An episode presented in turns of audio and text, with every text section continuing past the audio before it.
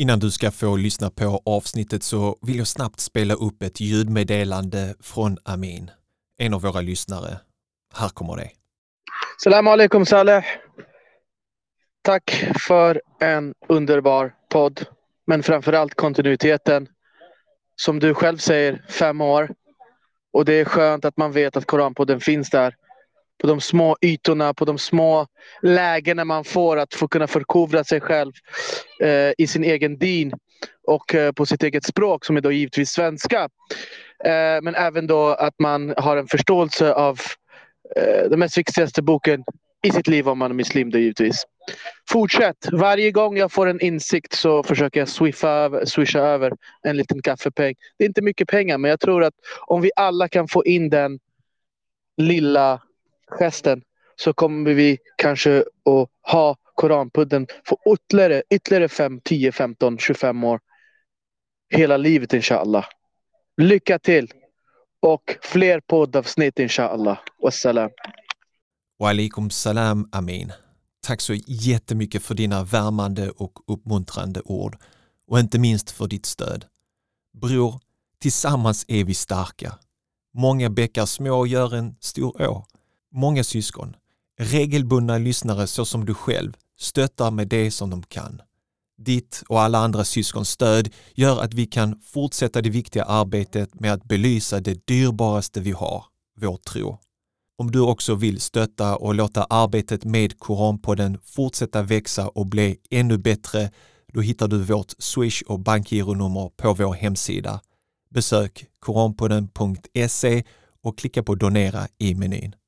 Må Gud belöna dig för ditt viktiga stöd och räkna det som en stor och god handling för dig. Amin. Och nu fortsätter vi serien om Sura al-Alaq. Bismillah.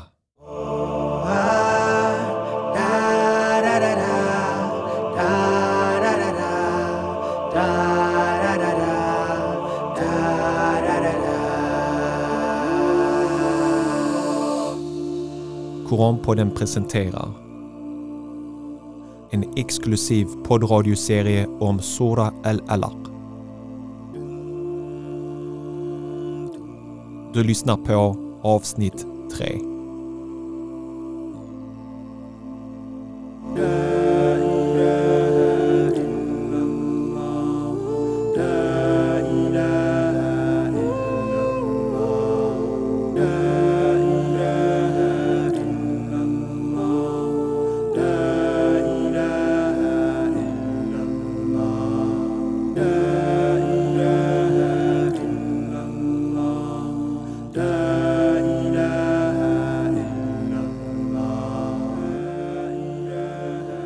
Är min stora ära att ha Salim här igen för den tredje träffen kring eh, vår studie av Sura al-Alaq. Salam alaikum Salim. Wa alaikum salam wa rahmatullahi wa barakatuh.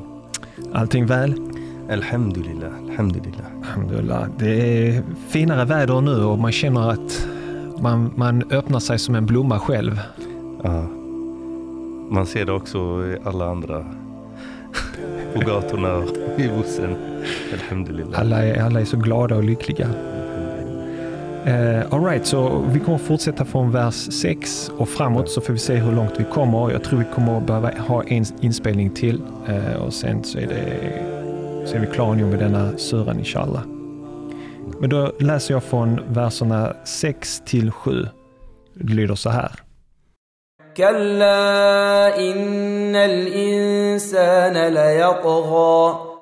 Nej, människans högmod går verkligen över alla gränser. أن رآه استغنى Då hon tror sig vara fri från allt beroende. Vill du börja eller ska jag? نعم Varsågod. أعوذ بالله من الشيطان الرجيم بسم الله الرحمن الرحيم والصلاة والسلام على أشرف المرسلين سيدنا محمد وعلى آله وصحبه أجمعين نعم eh, Det här ordet taga eh, man hittar det många gånger i Koranen och det är så Högmod som eh, Mohammed Knut Bernström väljer att översätta det till. Ja, jag, jag ska försöka och, ja, för att kunna få helheten av eh, ordet tara, Mm. att gå över gränsen. Eh, då eh, Koranen förklarar sig själv.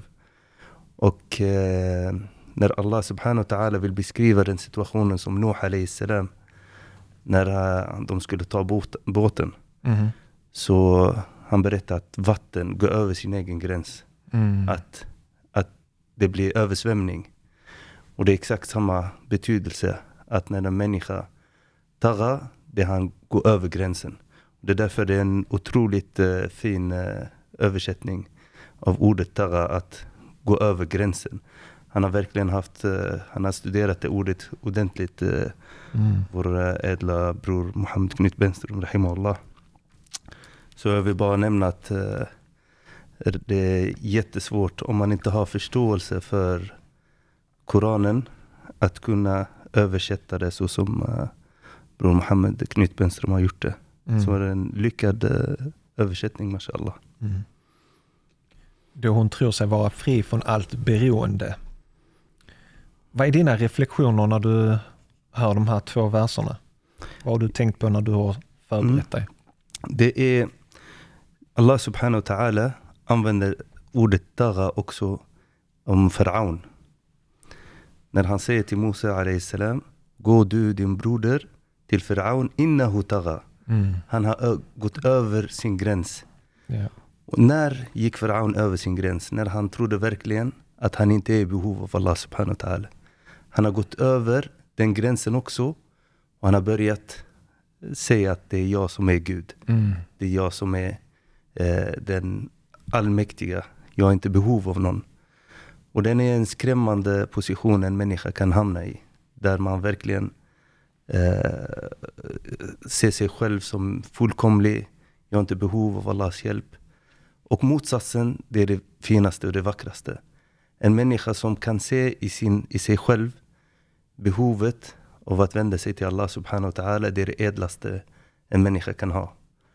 En människa som ständigt reflekterar över sina behov, eh, att eh, kunna ha relation med Allah subhanahu wa ta'ala. Han ser alla goda eh, saker han får från Allah subhanahu wa ta'ala dagligen. Han reflekterar över eh, alla gåvor som Allah har gett honom varje stund, när han andas, när han äter, när han lever. Så den människa är exakt motsatsen till Faraon. Mm.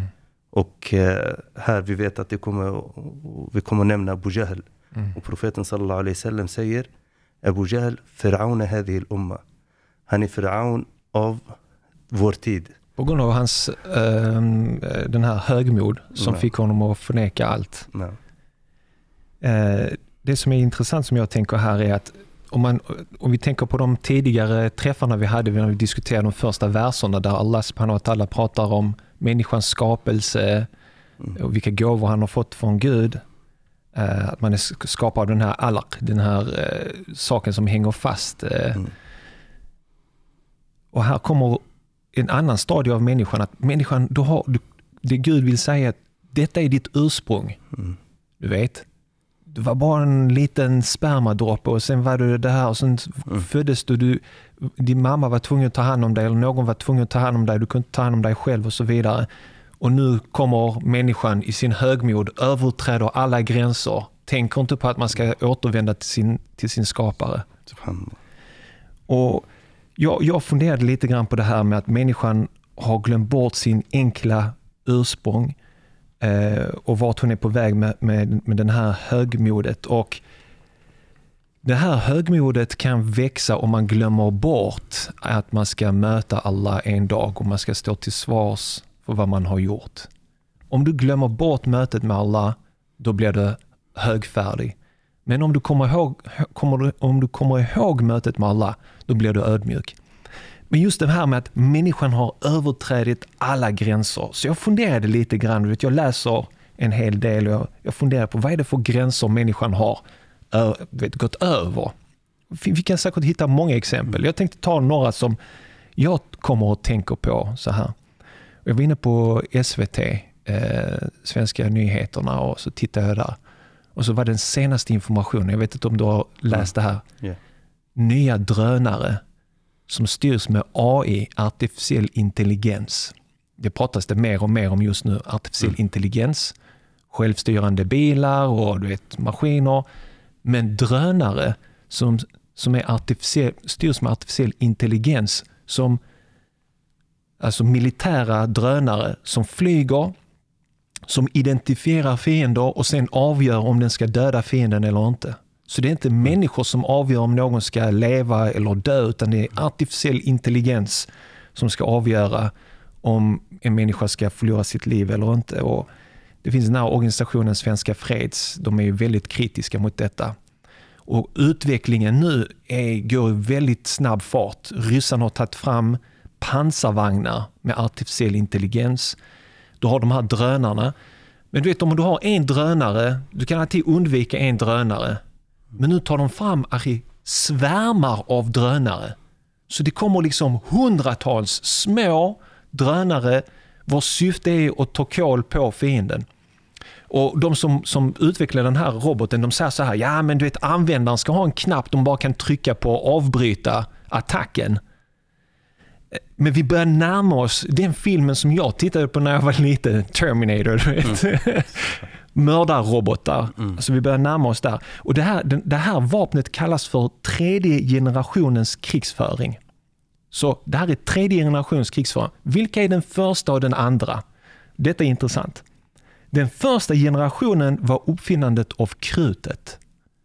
Man hade du vet, bössorna mm. man kunde skjuta och man kunde skjuta med kanoner, med bomber och krut. Och den andra generationens krigsföring det är atombomben. Mm. Och den tredje är då artificiell intelligens och så här. Och jag vet, du sa någon gång väldigt klokt att du älskar teknik och man kan använda teknik för att hjälpa människor. Och man kan mm. också använda teknik för att skada människor. Och som muslim så ska vi försöka använda tekniken för att hjälpa människor, inte ta koll på människor. Så om vi tittar på första generationens vapen, krutet. Det fanns ulama som var kritiska mot det, mot bomber. För att det finns risk att civila kan dö. Atombomben, mm. det är rakt av haram alltså. Det, det, finns inte något syfte som är halal att använda en atombomb. Jag bryr mig inte om Pakistan har en atombomb eller Turkiet eller några andra länder, så kallade muslimska länder har en atombomb. Atombomb, det går inte att göra den halal. Ja, men du mm. kan bara skrämmas med den. Och den. Atombomb är för att döda civila människor. Och artificiell intelligens, att du ska ta livet av andra människor, att du inte gör det, att du programmerar en robot som gör det här åt dig. Jag ser inte någon halal i det heller. Mm. Yeah. Så, så, så här har människan överträdit alla gränser. Istället för att ta fighten man mot man mm. på slagfältet så använder man sig av robotar, man använder sig av atombomber och man använder sig av krut. Alltså med, du vet, så, när USA bombade Vietnam och olika eh, eh, länder och överträdde de här gränserna. Jag menar, när jag gick i mellanstadiet, vi hade en fantastisk lärare som ingöt det här. För, vet, när jag gick i mellanstadiet, vad, vad kan det vara? Början på 90-talet, slutet på 80-talet. jag kommer ihåg min, eh, min mellanstadielärare, hon pratade om Hiroshima, hon pratade om Nagasaki. Och det är de två städerna som har, blivit, eh, som har fått eh, två atombomber fällda, alltså som har fått en bomb, eh, atombomb över sig, av amerikaner. Det får vi aldrig glömma. Att det är en nation, det är enda nationen på det här jordklotet som har använt atombomb mot ett annat land. Och majoriteten av de människorna i de här två städerna som dog, det var oskyldiga människor. Men även om du gör övergrepp, mänskligt övergrepp, så kommer du alltid försöka rationalisera det. Som du lyssnar på amerikanska historiker och debattörer som försöker mm. se logiken i varför man använder det här. Jo, men du vet, japanerna de vill inte ge upp. Och and, alltså, då var valet antingen skickar vi in unga amerikanska soldater som kommer dö i Japan eller så släpper vi de här bomberna och så knäcker vi japanerna på knäna. De kommer ge upp. Och man gjorde det. Så man valde att offra när man släppte de här atombomberna så man räknar på tiotusentals människor som dog och sen mm. alla som fick strålskadorna och så vidare. Man la den här medvetet ungefär 800, med, 800 meter från marken exploderade den. Varför? Mm. För att den skulle få en så stor impact som möjligt, så stor skadeverkning som möjligt. Vet du hur många grader det var precis under atombomben? 5000 Celsiusgrader, så varmt blev det. Så de människorna, civila människor som befann sig under atombomben, de bara avdunstade, de bara liksom försvann. Alltså. Och det är, alltså det är när man går över gränserna. Du vet, folk pratar om jihad och IS och sånt som gör fruktansvärda grejer, men det här är också fruktansvärt. Människor överträder alla gränser. Och jag, jag vill inte bara prata om USA, jag vill bara ta en annan också. Och det är vet du, det, när vi pratar om, om bomber och så vidare. Det är 16 mars 1988, Halabja, norra eh, Irak eller Kurdistan. Där irakiska armén släppte en gasattack. Där cirka 5000 människor dog av gasattack. Av muslimer mot andra muslimer. Överträder alla gränserna. Har du sett bilderna från Halabja? Om du googlar. Små barn, achi. Fem, fyra år, ligger på marken. Pappa som håller sitt barn har bara kollapsat och dött av att andas den här gasen. Så hjärtlöst. Och man anklagade Iran för detta. Men det visade sig att det var Irak. För det var Iran-Irak-kriget då. Och USA sa då att nej men det här ser ut som att det är Iran som har gjort detta, men det var Irak, Irak irakiska armén som låg bakom detta. Och Jag vet att det finns säkert en massa konspirationsteorier, vänster och höger, men detta har man gjort mot, mot andra människor. Du kan aldrig göra någonting sånt om du är medveten om att du ska träffa Allah en dag. Vet. Ja, subhanallah, vi har, vi har haft väldigt eh, djupa diskussioner eh, häromdagen om just det här. Hur långt kan vi muslimer egentligen eh, eh, tänka på de banorna för att kunna försvara sig själv och så vidare? Är kärnvapen någonting som kan legitimeras? Och jag är såklart av den åsikten som du har också, att vi muslimer bör inte ens komma i närheten av det. Och då kommer den här motargumenten att ja, men kolonialismen har kommit in i muslimska länder för att vi hade bara så svärd och, och vi kunde inte försvara oss och så vidare. Och jag, jag tänker att det som är muslimernas roll, eller de som tror på Gud, eller de som goda krafterna som finns på jorden, är att stoppa det onda i alla dess former. Och eh, tänk om vi har verkligen tagit den här uppdrag som Allah subhanahu wa ta'ala gett oss som khalifa, eh, alltså ställföreträdande på jorden, som verkligen ska vara den som ska försvara eh, jorden från all sedefördärv. Eh, då skulle vi kunna skapa teknik som kan verkligen vara anti eh, atombomber eller sånt där. Så fort det skulle komma de här strålningar någonstans så har vi en teknik som kan ta bort strålningar. Då har vi flera ställen där det kan, de kommer aldrig kunna bli bebodda igen Precis. på jorden på grund av eh, kärnvapen och, och, och kärnkraft eh, som har, ja, eh, som har förstört så mycket. Så egentligen, eh, vi skulle kunna också vara väl utvecklade, men i den motsatta riktningen. För att det här att, att konkurrera, vilken är det som har bästa vapen hela tiden. Vi kan inte använda oss av våra f- fienders tekniker för att vi kommer bli som dem i slutändan. Absolut. Alltså profeten sallallahu alaihi wasallam är tydlig. Alltså du kan, du kan inte gå in i krig och döda en äldre människa eller någon som Barn, kvinnor. barn, kvinnor eller förstöra en träd. Eller, det, det är tydligt. Ja. När vi, vi säger att vi följer profeten sallallahu alaihi wasallam, det, det är texten. Sen kommer koranverserna Mm. där Allah subhanahu wa ta'ala pratar om jinn som har varit på den här jorden före oss. Och Allah säger att han har eh, rättat det som hänt innan. Islah fil ardi, yani det var, de har förstört så mycket, de har dödat varandra så mycket att änglarna när Allah skapade Adam mm. salam, han bara, de kommer att göra så som de som har varit innan på, på, på jorden. Så det är därför det är oerhört viktigt att vi inte glömmer vår roll. Vår roll på den här jorden är att där det finns en rättfärdig muslim så ska det finnas fred.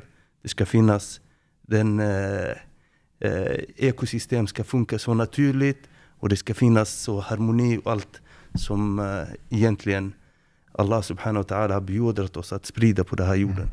Så vi kan inte gå in i den här konkurrensen hela tiden. Vem skapar bästa vapen? Vem kan förstöra mer? Ja. Ja, och vi legitimerar med, med att vi behöver försvara oss. Och det är samma sak egentligen om vi ska gå in i andra skalor, till exempel i mobbning eller jag kan inte lära mitt barn att du ska slå tillbaka Ja. eh, din skolkompis om han har slagit dig eller om han svär så ska du svära tillbaka. Det, det är inte den etik och moral som eh, vår tro baseras på. Jag, jag, jag tänker på det här också, alltså de, de här atombomberna som fälldes över Japan, de fälldes på beordran av Harry S. Truman, amerikansk president. Och eh, jag menar, och, eh, han och andra ledare som har gjort grova övergrepp över mänskligheten ses som presidenter och får hedersvärda titlar och så vidare. Eh, och Seneca, den här romerska filosofen som jag kommer tillbaka till hela tiden, han har han var en romersk filosof. Jag menar, under romartiden så, så fanns det samma spel. Liksom. Du vet, om du har en person som mördar någon annan så blir han fälld för mord och han får straff, eller hur? Men om du har de här ledarna som gör sådana feta övergrepp, mördar hundra, tiotusentals oskyldiga människor, så är de krigshjältar och, och så vidare. Vi minns dem på det sättet. Så jag vill bara citera Seneca vad han sa om det här, för han har någonting liknande. Han sa så här. Dåd som man skulle få sona med döden om de begicks i hemlighet lovordar vi därför att generaler i uniform utför dem. Människorna som av naturen är det mest fridfulla av släkten skäms inte för att glädja sig över att utgjuta varandras blod eller föra krig och lämna över krigen till sina barn så att dessa kan fortsätta med dem, trots att det råder fred till och med mellan de stumma djuren. Så det är det här liksom, om det är en general som utför, som mördar människor, så är han en hjälte, krigshjälte. Men om där är en kid, en unge från förorten som skjuter en annan så är, det, så är han en mördare och han ska sitta i fängelse och så vidare. Men när det är en general som beordrar sina soldater, eller en president som beordrar att man släpper två atombomber, ja då, då är man en hjälte och man har liksom räddat ett land från, från att offra sina unga soldater. Jag, tycker det är ehm, jag, jag, jag tycker det är fruktansvärt, men även Seneca såg det på sin tid.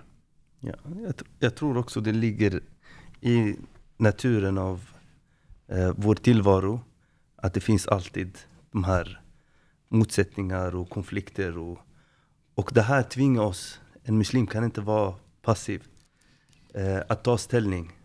Att hela tiden, det ska finnas orättvisor på den här jorden. Eh, men vår roll är var vi befinner oss i, den här, i de här konflikterna. Var står en muslim i vissa frågor? Eh, och man försöker minska så mycket som möjligt av det ondska som finns. Det är därför eh, praktiserande av islam som är så eh, passiv, där man ska endast be och fasta och eh, göra sin dhikr och isolera sig. Det är en hel fel förståelse av vår tro. Alltså kärnan av eh, eh, islam är att kunna verkligen alltid befinna sig där rättvisan eh, behövs. Att vi verkligen står rätt på de frågorna som eh, gynnar mänskligheten, som gynnar oss och som gynnar vår relation till Allah subhanahu wa ta'ala. Jag menar, läser man om andra världskriget, du vet, Mm. hur de åkte över Berlin eller åkte över London och släppte bomber. Och om du läser hur generalerna motiverade, det handlar om att knäcka deras kämparglöd. Det handlade om att döda eh, civila människor, knäcka landet civilt. Och det, det här var ett tanke både nazisterna hade, men även de andra, engelsmän, britterna och fransmännen och amerikanerna och så vidare. Och som du säger, vi ska inte använda det som måttstock. Och alltså i Koranen så står det i många verser där Allah subhanahu wa ta'ala han varnar muslimer att endast eh, försvara dig själv och gå inte i överdrift. För att det är så många som, när det blir det här hatet, alltså den växer så starkt att man glömmer bort att Mm. den fiende du har framför dig, det är också en människa, det är en Allahs skapelse. Mm. Alltså det ska endast kunna stoppa hans överträde på dig. Och du ska inte göra den här försvar till en, en eh, stor fientlighet som kan göra dig till en förtryckare. Precis. Och det är subhanallah, det är en väldigt eh, känslig balans där. Mm. Hur långt kan jag gå för att försvara mig själv? Jag, jag tror i krig och såna Mm. här saker så blir det lätt med revansch. Mm. De dödade min vän, nu ska jag hämnas tillbaka. Och så bara det ja, blev en sån spiral som bara fl- ja, Vi kan se det här till och med så i stammar och klaner ja. Eh, i, i många, tyvärr även muslimska mm. länder. Alltså, mm. om du dödar en av mina så ska jag döda tio av dina. Så, så tar det aldrig slut. Exakt. Mm.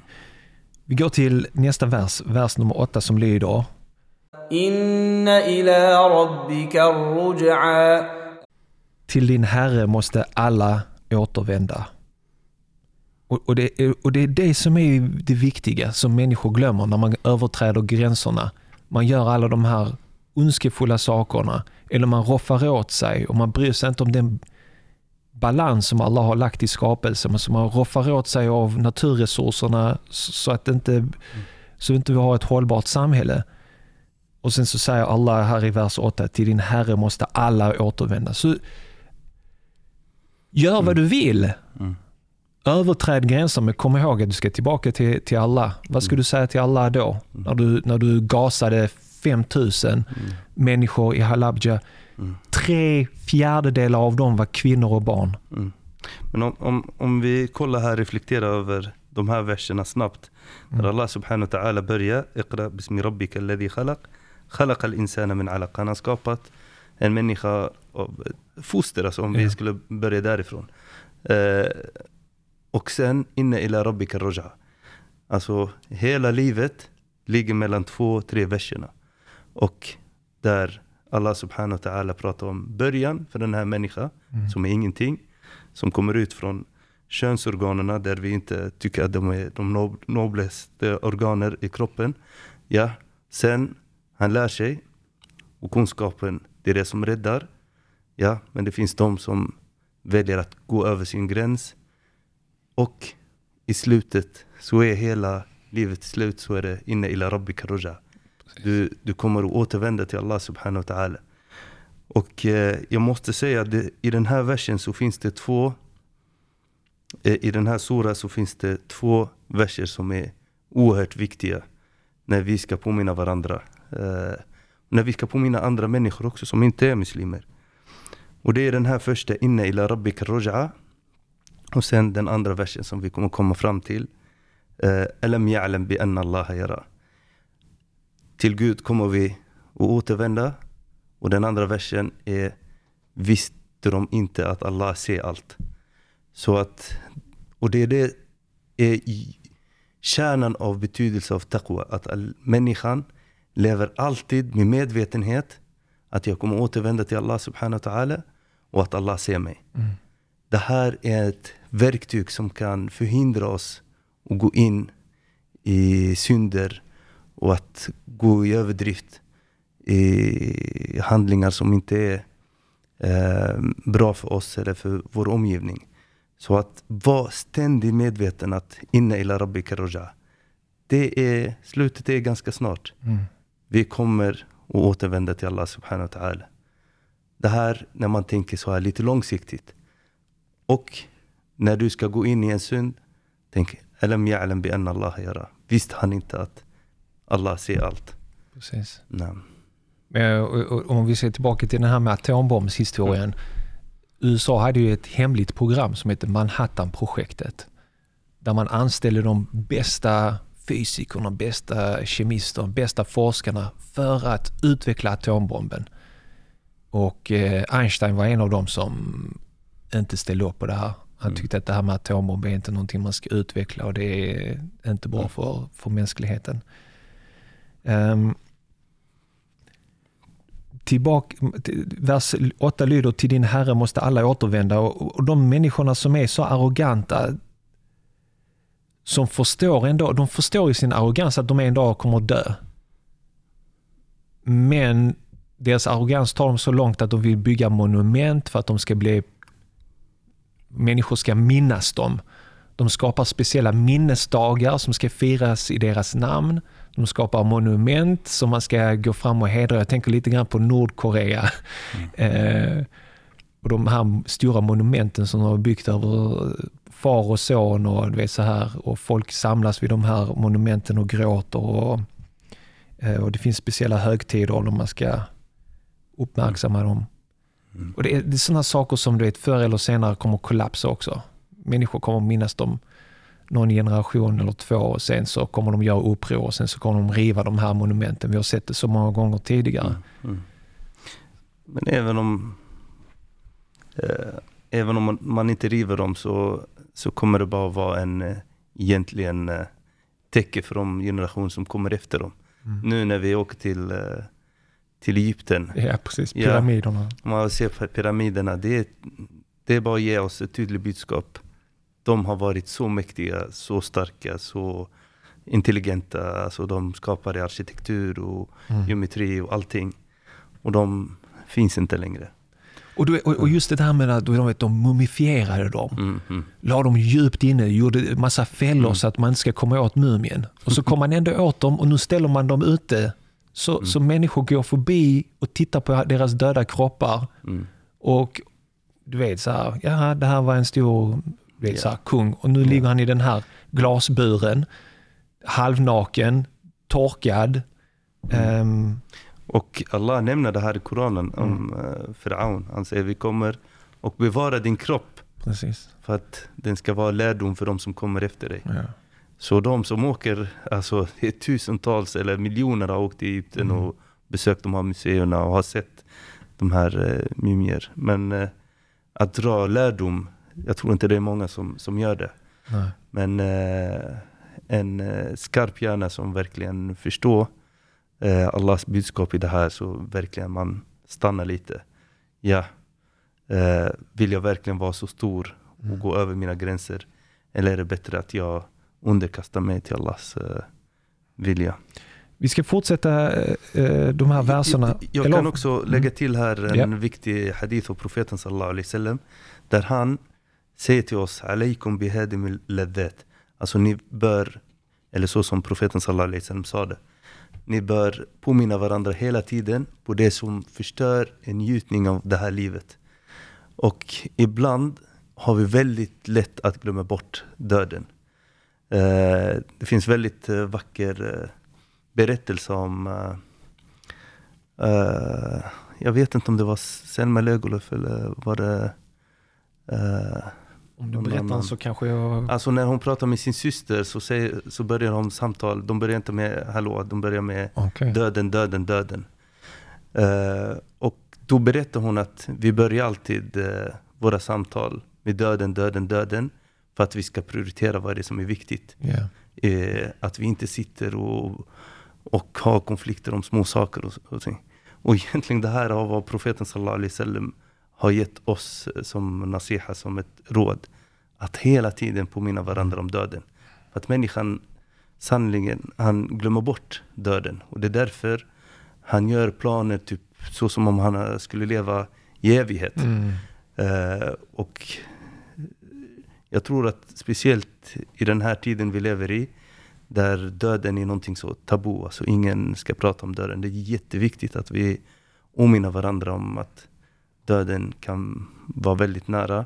Så vi inte blir överraskade när det händer. Det är den totala sanningen som både mm. troende och icke-troende tror på. Att döden kommer komma. Så det bör vara en central, eh, ett centralt ämne bland muslimer som är alltid levande och prata om döden. Nej. Uh, jag tänker att vi går vidare då. Är det okej? Okay? Eller har du någon? Yep, nej. All right. Så jag ska läsa verserna 9 till 12. Och här blir det ju fortsättning på den här berättelsen om arrogansen hos människan som får en att överträda gränserna och även försöka hindra andra från att komma nära Allah. Så jag läser från vers 9. Vad anser du om den som vill hindra en Guds tjänare från att förrätta bön?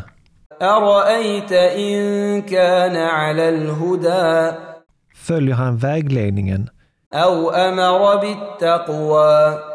Eller anbefaller han Guds fruktan? Så Allah nämner de som vill förhindra andra från att förrätta bönen. Och har de någon vägledning som de följer eller eh, anbefaller han gudsfruktan? Just det här med att andra människor försöker stoppa andra från att tillbe Allah. Eller, du vet, den tidiga muslimska historien handlar om det här, om profeten Muhammed sallam, de svårigheter de mötte när de började praktisera islam, läste Koranen i hemlighet, bad i hemlighet. Eh, till slut fick de emigrera till Abyssinien ehm, och efteråt fick de emigrera till Medina. Så, så att vara en flykting och i behov av hjälp är en, en tidig del av den muslimska historien. Därför kan vi aldrig avvisa flyktingar. Vi kan aldrig göra skillnad på flyktingar och flyktingar som vi ser i stora delar av Europa idag. Är att när det är flyktingar som ser ut som oss själva så välkomnar vi dem, men när de ser annorlunda ut än oss själva så, så avvisar vi dem. Vad är dina tankar och, och har du några exempel från Ja. profeten Muhammeds liv om det här med Den här versen uppenbarades eh, eh, för att Abu Jahl har svurit framför Kaaba att han kommer och stoppa profeten sallallahu alaihi wasallam från att be. Mm. Och eh, i den tiden hos araberna så var om man svär vid Kaaba, om man står framför Kaaba, om man har lovat någonting så är det jättestort. Man måste göra det. Så de satt och, och frågade Abu Jahl, ja, profeten han ber och du gör ingenting. Mm. Så han gick, han var på väg att eh, hindra profeten sallallahu alaihi wasallam. Sen han stannade, och han kunde inte göra någonting och han gick tillbaka. Så när de frågade honom, han, han sa att det kändes så som om det är eld och eh, och saker som, som är verkligen så skrämmande som stoppade mig. Så jag kunde inte komma i närheten av profeten sallallahu alaihi wasallam. Och profeten sa, det var änglarna som, som, skyddade, som skyddade mig. Om han hade kommit närmare så hade han blivit eh, straffad. Och då uppenbarades den här versen som pratar om Abu Jahl som har verkligen gått över Mm. eh, gränserna. Om vi går tillbaka till varför egentligen en människa kan bli som Abu Jahl. Och vi har många Abu Jahl i våra, vår tid. Han heter egentligen eh, Omar ibn Hisham. Hans pappa heter Hisham. Och Abu Jahl, för de som inte kan arabiska, det betyder Mm. fadern av eh, okunnighet. Ja, exakt. Och eh, han är från Beni Makhzum. Och Beni Hashim, det är den eh, eh, släkt som profeten sallallahu alaihi kommer ifrån. Och Beni Makhzum är en annan stark... Eh, Och de var lite rivaler eller tävlade. de var, ja, exakt. De tävlade vem ger mat mer till, Mm. eh, till de som välfärdade till eh, Mecka och så vidare. Så det som gjorde ont hos eh, Omar ibn Hisham som, är, som kallades Abel Hakam egentligen. Precis. Han är- Visdomens fader. Visdomens fader för att han var skarp i sin tal och han var stark poet också Mm. och så vidare. Men det som gjorde honom blind för sanningen var inte profeten Muhammed sallallahu alaihi wasallams karaktär eller det han har kommit med. Han tyckte att allt det där var rätt. Han hade inga problem med det. Det enda var varför Allah skulle skicka någon från Beni Hashim och inte från Beni Makhzum. Ja. Han bara, vi tävlar hela tiden. De ger vatten, vi ger vatten. Vi ger mat, de ger mat, vi ger mat. Mer mat. Nu ska de säga att de har en profet och då har inte vi en profet. Det. Så hans Avundsjuka. Det avundsjuka. påminner ganska mycket om avundsjuka. shaitan. När Ja, Gud sa att du vet, jag sujud till Adam, men han är av jord, jag är av lera, varför Ja. ska jag... Ja, subhanallah. Och det kan vi lätt se eh, bland många av vå- våra syskon, det här ja, tillhörigheter, alltså att verkligen kämpa. Jag är från den här familjen, jag är från det här landet. Status här, också, status. ledarskap och så ja, vidare. ja, och det går in också så grupper, alltså jag tillhör den här gruppen. Ja. Vi följer sunna och salaf och de andra följer inte och vi gör det här och de andra gör inte. Alltså så, att verkligen gå in i en sån stark tillhörighet och börja tävla. Mm. Alltså allt som stoppar dig från att se sanningen det där är jahel. Alltså så att du, går, du överträder dig själv. Precis. Alltså att du har så mycket hat till den muslimen eller till den gruppen eller till den, att du inte kan se det goda de gör. Det är oerhört farligt. Mm. Så eh, det här har gått så långt för Abu Jahl att han ville stoppa någon som ber. Mm. Vad skadade dig med någon som lägger panna på marken och ber? Och vi kan se också idag i vårt samhälle, det kan skrivas jättemycket om en bussförare som eh, i sin rast går och ber eller om någon... eh, Precis, jag tänkte Alltså, ta det till, ja. till dagens samhälle. Hijaben är en stor diskussionsfråga. Eller bönerum i skolan eller sånt här. Bönerum i skolan. Ja, ja. Jag, hade, jag pratade med en bror från Göteborg och så nämnde jag, vi pratade om skolor och så vidare, så nämnde han en rektor som hade sagt, var några muslims, de hade diskuterat, så hade den här rektorn sagt att ja, alltså bönerum eller så, eller andaktsrum är inte aktuellt på min skola, utan det får de göra när de kommer hem istället. Alltså så arrogant. För att på min skola så fanns det elever under Ramadan, de ville fasta, så de kom till mig och de sa "Sai, det finns något bönerum här. Så jag, jag, jag, jag kollar med rektorn, ge mig lite tid här. Så jag skickade mail med rektorn och pratade så här. Du vet, han såg inga problem med det. För det finns inga problem. Mm. Det är lätt att hitta ett rum. De ber på rasten. Vem påverkar det negativt? Tre minuter. Varför, varför ska du positionera dig som rektor? Innan ens de har frågat om en andaktsrum så gör du det klart. Om min rektorskap på den här skolan så finns det inte heter det, ett plats för ett bönerum. Det får de göra hemma. Vem är du? Är du en imam? Är du en överste rabbin? Eller, Du vet så. Var ödmjuk. Försök möta människan. Jag, jag, jag, begriper mig inte på det. Men det är den här arrogansen. Jag bestämmer, du bestämmer inte. Du ska inte komma till mig och säga hur jag ska göra här. Det här är mitt hus. Du ska anpassa dig efter mina sedvänjor. Du ska anpassa dig efter vad jag äter och hur jag pratar och vad, hur jag är. Jag är standarden. Förstår du vad jag menar? Jag är måttstocken. Du ska, jag är neutralitet. Du är den som är avvikande. Jag, jag blir trött på det här. Det är väldigt roligt också när de, när de vill tvinga fram sina egna de här värderingar Ja. även utanför sina landsgränser. Så om man kollar på Frankrike så ja, det är förbjudet att ha slöja i skolan, det är förbjudet att be, det är förbjudet att visa symboler överhuvudtaget av sin Ja. tro.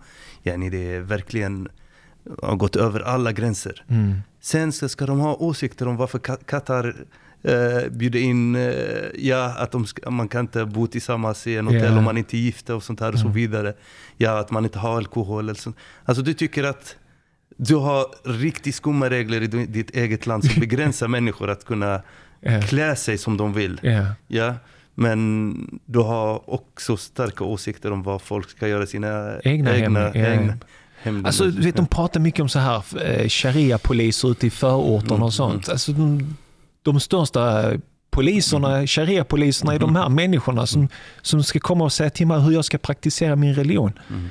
Skolverket, de placerade nationella prov under eh, Eid, Mm. under, Rama, under Bayram. Mm. Och det var någon som kontaktade Skolverket och sa, du vet, bara så ni vet, ni har placerat nationella prov när muslimerna har sin största högtid.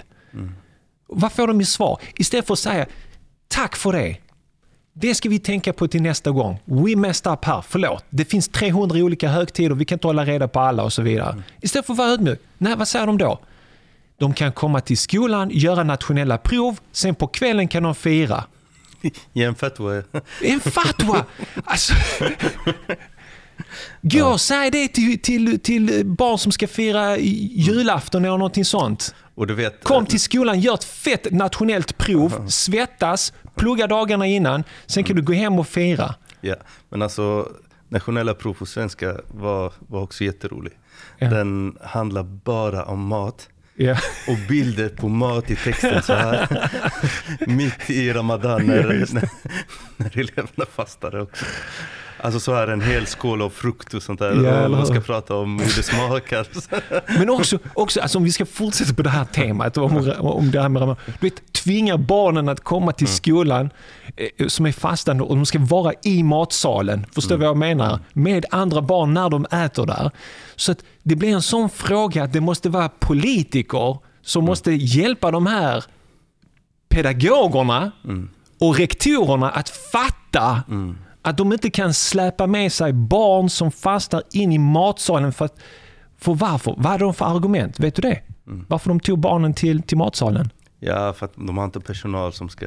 Vi, måste, vi är ansvariga för de här barnen så vi måste ha uppsikt över dem. Mm. Nej, så vi, vi, kan, vi kan inte hitta en, en enda re, eh, eh, eh, fritidspedagog Mm. eller lärare eller någon som kan vara med de här barnen som fastar Mm. i ett annat rum eller i ett annat sammanhang. Nej, alla, alla befinner sig samtidigt Mm. i matsalen och ska äta. Alltså, jag, jag, jag, jag, jag, jag ser uttryck av en enorm eh, arrogans. Att inte tillmötesgå. Det, det här, du behöver inte ens vara religiös, du behöver inte ens vara någonting. Det, det är bara sunt förnuft att möta en annan människa och hitta en lö- lösning. Lyssna på den andra människan. Förstå att här är barn som fastar hela dagen. It doesn't make sense att jag tvingar in dem i en matsal. De ska titta och... You know, jag vet inte vad man ska säga. mer. Ja. Mm. Vi kanske går tillbaka till eh, verserna. Ja. Eh, vad anser du om den som vill hindra andra från att förrätta bön eller Guds tjänare från att förrätta? Följer han vägningen eller anbefaller han Guds fruktan? Det var vers 12. Är det något mer vi vill säga om det? Ja, alltså, trots att vi har pratat om att det här handlar om Abu Jahl, men egentligen den här versen, det är det som är så vackert i Islam. Alltså, det nämner inte direkt Abu Jahl här, Nej. men för att Allah vet att det kommer finnas folk som ska stoppa människor från att be i olika tider. Och det finns en väldigt fin berättelse av Ali radiallahu an, där han eh, såg muslimerna bad eh, extra, bön efter eh, Eid-bönen. Och han sa, det är inget som jag sett profeten sallallahu alaihi wasallam gjort. Men eh, då Alis följeslagare som fanns där bara, varför har ni inte hindrat folk från att be den här sunna? Han sa, jag är rädd att jag hamnar under den här kategorin. Idha salla. Att, eh, har ni sett den som hindrar folk från att be? Just det. Ja. Och jag såg igår också, subhanallah, efter Jumu'ah så var en broder som blev jättearg. Han bara, det finns ingenstans att man får be sunna efter Jumu'ah. Mm. Eh, han kom till eh, imamen, det var Hussein, ja. Och ja, så man kollade upp det och det fanns lite olika åsikter. Men han var så Bestämd. bestämd att ja, i min by i Sudan och jag har studerat hos den här shechen, han sa att man inte får be och sånt där. Ja, men det är kanske lite olika åsikter överallt. Ja. Så att man verkligen... Och det, eh, det är liksom inte som att de du vet, så, sitter och tittar på film eller spelar schack eller you know, något annat. De ber liksom. ja, Lönt att spinna loss på det alltså. ja. Ska vi läsa t- två verser till? Japp. أرأيت إن كذب وتولى Eh, vers 13 lyder, eller anser du att han snarare förnekar sanningen och vänder den ryggen? Vers nummer 14. Alam ya'lam bi anna Allah yara. Vet han inte att Gud ser allt? Det var det som du mm. återvände till, att Gud ser allt. Och det, det, det är alltså, när man vet det här med att Gud ser allt, det, det är då man får den här ödmjukheten och att man måste be, behandla alla människor med värdighet och respekt. Oavsett deras bakgrund eller vad. Eller om det är en kristen som vill be, vem är jag att hindra, den, hindra en kristen från att be, eller en jude från att be, eller någon religiös människa som vill be. Det, var ju kristna som kom till profeten Muhammed Sassans moské. De ville ha en dialog, en diskussion. Och de ville be i moskén. Han tillät dem be i moskén. Så... ehm, eh, Motsatsen också att eh, Omar radiallahu anhu när han kom in i eh, Mm. El Aqsa så kom prästen och sa du är välkommen att be i kyrkan. mm, Så eh, Omar radiallahu anhu vägrade. Han sa jag är rädd att muslimer efter mig kommer och göra om kyrkan till, till moské. Efter de har sett mig gå in och be där. Eh, och subhanallah, jag, jag måste säga så när jag går runt i stan till exempel i Lund eller i, i Malmö. Så, och när det är svårt att hitta någon plats att be. mm, Alltså det som känns mest naturligt är att kunna be i närheten av en, eh, av en kyrka. ja. Man känner sig ändå, eh, ja, det är en, då en plats där folk eh, tror på ett liv efter detta och tror på Gud och så, så vidare. Mm. Så det bör eh, finnas ödmjukhet i den Mm. bemärkelse att, att det ska finnas solidaritet med de som eh, med eh, bokens folk. Där man verkligen ser det här gemensamma. Precis. Och jag tror att vi bemöts mycket mer med förståelse av de som tror på, Allah, på Gud. Och förstå att man har behov av att kunna be fem minuter. Mm. Men vissa andra ser det här som ett stort problem. Ja. Och verkligen gör allting för att hindra någon och alltså, Ja. använder sin tid. Och bara, om jag skulle säga att jag behöver meditera fem minuter, Mm. det skulle inte vara någon problem. Nej. Mm. För det är en sak, alltså, om, om, man, om de själva inte vill be, that's fine. Men, men hindra inte andra människor från att be när de tycker att det är någonting som är viktigt för dem. Mm. Och de här muslimska eleverna som, som bad på vår, i vår skola, det var så många lärare som, som visade uppskattning för det. Mm. Så det finns de mörka krafterna men det finns de där ute också som med mycket goda krafter och det gäller för oss muslimer att bli bättre på att sträcka ut en hand till de goda krafterna, samarbeta, bjuda in dem till våra träffar, umgås med andra människor i samhället. Eh, jag, jag tror vi måste bli ännu bättre på det och jag, jag är hoppfull om den, den nya generationen som, som är födda här, som kan språket, som, som träffar människor av en annan tro ute i arbetslivet och i skolan, att, att det, den, den, det utbytet kommer att bli större och större inshallah. Och här Allah subhanahu wa ta'ala han fortsätter beskriva det tillstånd som Abu Jahl befinner sig i. Ra'ayta in kadhaba. Har du sett när han ser sanningen och han väljer att vända ryggen till den. Det. Det är det som är egentligen eh, förståelse av ordet kuffer, alltså Ja. när vi pratar om kuffer.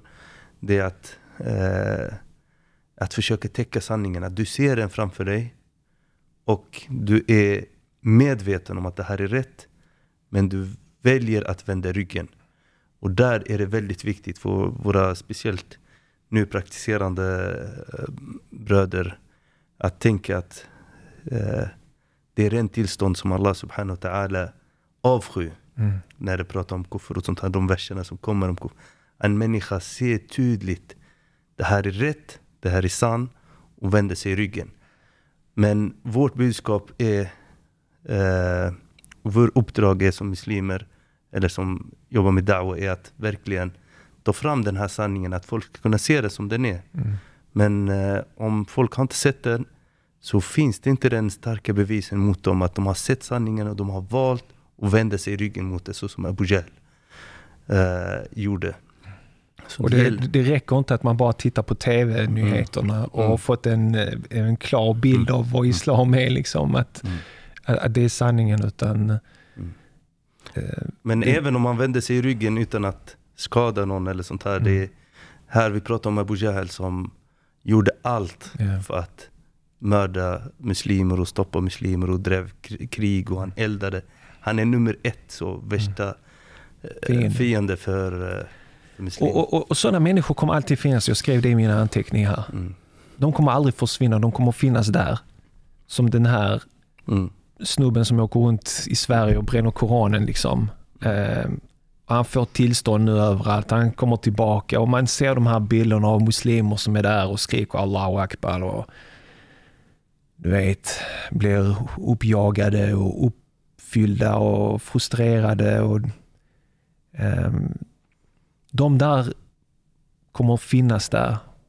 Men när, de, när du vet att han kommer säga fula ord om profeten Muhammed Det var någon journalist som hade varit där som skrev vad han säger. Att han bränner Koranen, det är det minsta problemet. Det, det gör vi muslimer också när du har Ja, en jag, text. jag vet. Jag, jag, jag hade Benjamin Garber här. Mm. Så vi pratade om koranbränningar. Jag sa till honom, jag har inte något problem med att bränna koran. Det är det jag gör när det är en mushaf, alltså en koran jag inte ska använda. Han blev förvånad. Han visste inte om detta. Men, men det han säger är fruktansvärda saker om profeten Muhammed Så om du är muslim och du vet att han kommer vid ett visst klockslag där och han kommer ropa ut det här. Inga andra kommer höra det förutom de som kommer till hans möte. Varför tar du dig dit? och ska höra de här sakerna om profeten Muhammed. För du kommer inte kont- kontrollera dig själsligt. Jag är till och med osäker på mig själv. Jag tror inte jag hade varit lugn om jag hade varit där och hört vad han gör och sett vad han säger. Liksom. Han tar till och med, vet, bränna är inga problem, han tar bacon och lindar in det i sidorna och sen säger han fruktansvärda grejer. Om du är troende muslim, du vet att han ska säga det och du kan inte påverka det på något positivt sätt. Gå inte dit. Mm. Använd din tid till att göra någonting bättre istället. Mm. Det, det är min övertygelse. Ja. Om vi ska tillbaka till den här koranbränningshistorien. Jag vill Mm. inte hamna i det facket. Ja, nej. Men eh, Nej, absolut, men det... Vi vet också att eh, alltså muslimer idag, det är en mycket större må- målgrupp än bara den här eh, eh, muslimer som, är, som kan sin religion och som är praktiserande. Och vi vet att de flesta som deltar i de här manifestationerna och sånt där, det är inte moskéns folk. Eh, eller till stor del Mm. så är folk som har kärlek till sin tro och vi är verkligen, det är inte den delen man är så kritisk mot.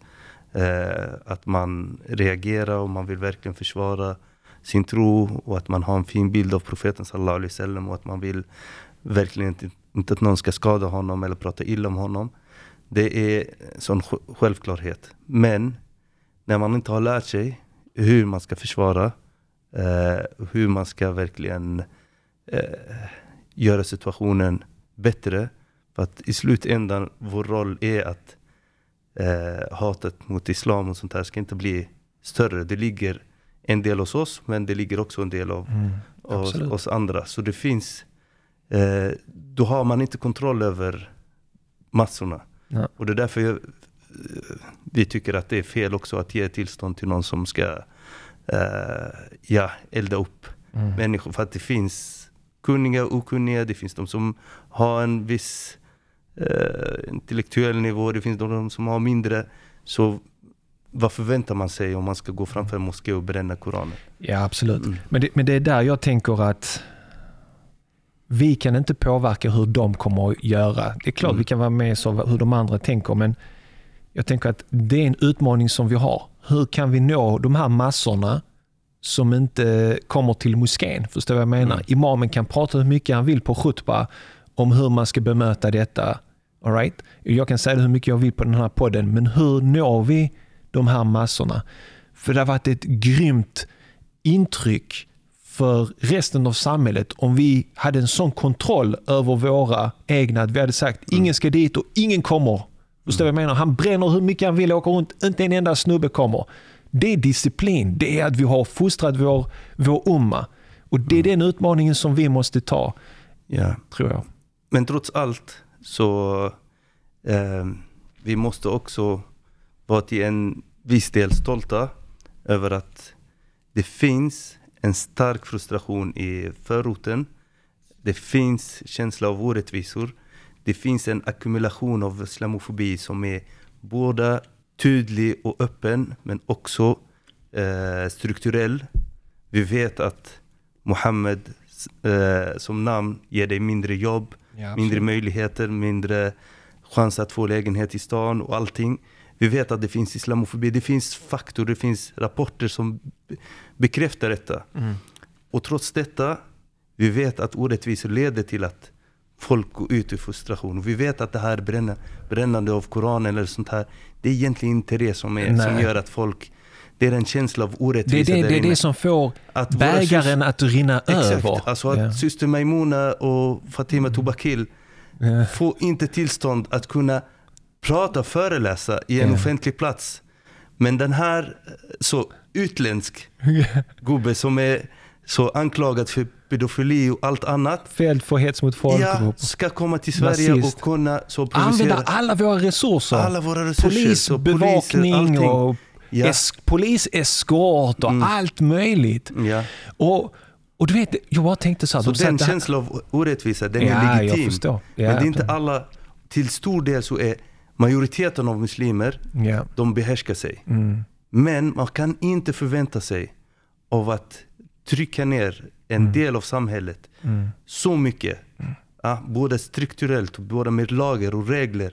Och, så, och inte förvänta sig eh, reaktioner. Nu Ja. legitimerar inte det här och det är Mm. fruktansvärt och jag Mm. verkligen vill inte att våra ungdomar ska någonsin skada eh, så, vårt samhälle på något sätt. Mm. Polisen, bland poliserna finns det väldigt fina eh, människor som verkligen har noll eh, problem med muslimer. Och som, som berättar för muslimer att de är Mm. trötta på att de beskyddar den här snubben. Alltså, de Ja. skulle inte vilja göra Ja. det. Ja, men samtidigt, man måste se till också att, att eh, känsla av orättvisa som finns i förorten och bland muslimska barn och bland, alltså det är omöjligt för en muslimsk förening att hitta lokal i Malmö. Vet. Alltså så fort du säger att det är, det är, allting är så svårt. Mm. Eh, vi vet att det finns en strukturell rasism och islamofobi i alla myndigheterna. Det, den är så spridd att den har blivit normaliserad även bland våra egna. Att ja men såklart, du heter Ahmed, byt ditt namn. Ja, men vi har också fått våra egna troll liksom, som Mm. sprider islamofobiska eh, budskap och eh, fördomar som har Mm. Ja. anammat. Och det har bildats någon form av självhat. Mm. Eh, nej, jag förstår det. Khair inshallah, jag tror vi måste avrunda för att eh, du har en föreläsning som väntar. Ja, som vi ska Men, hinna eh, till den så... eh, inshallah. Jag tror nästa avsnitt så börjar vi med Mm. eh, vers nummer 13.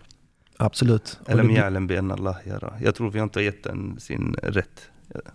All right. Du menar, jag tror det blir vers 14. Vet han inte att Gud ser Ja, allt? exakt 14. Ja. Inshallah.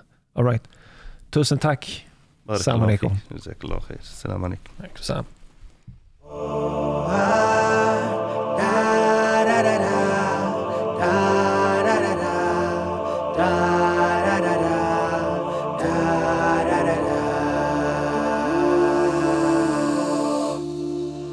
lyssnat på tredje avsnittet i vår nya poddradioserie Sura al-Alaq.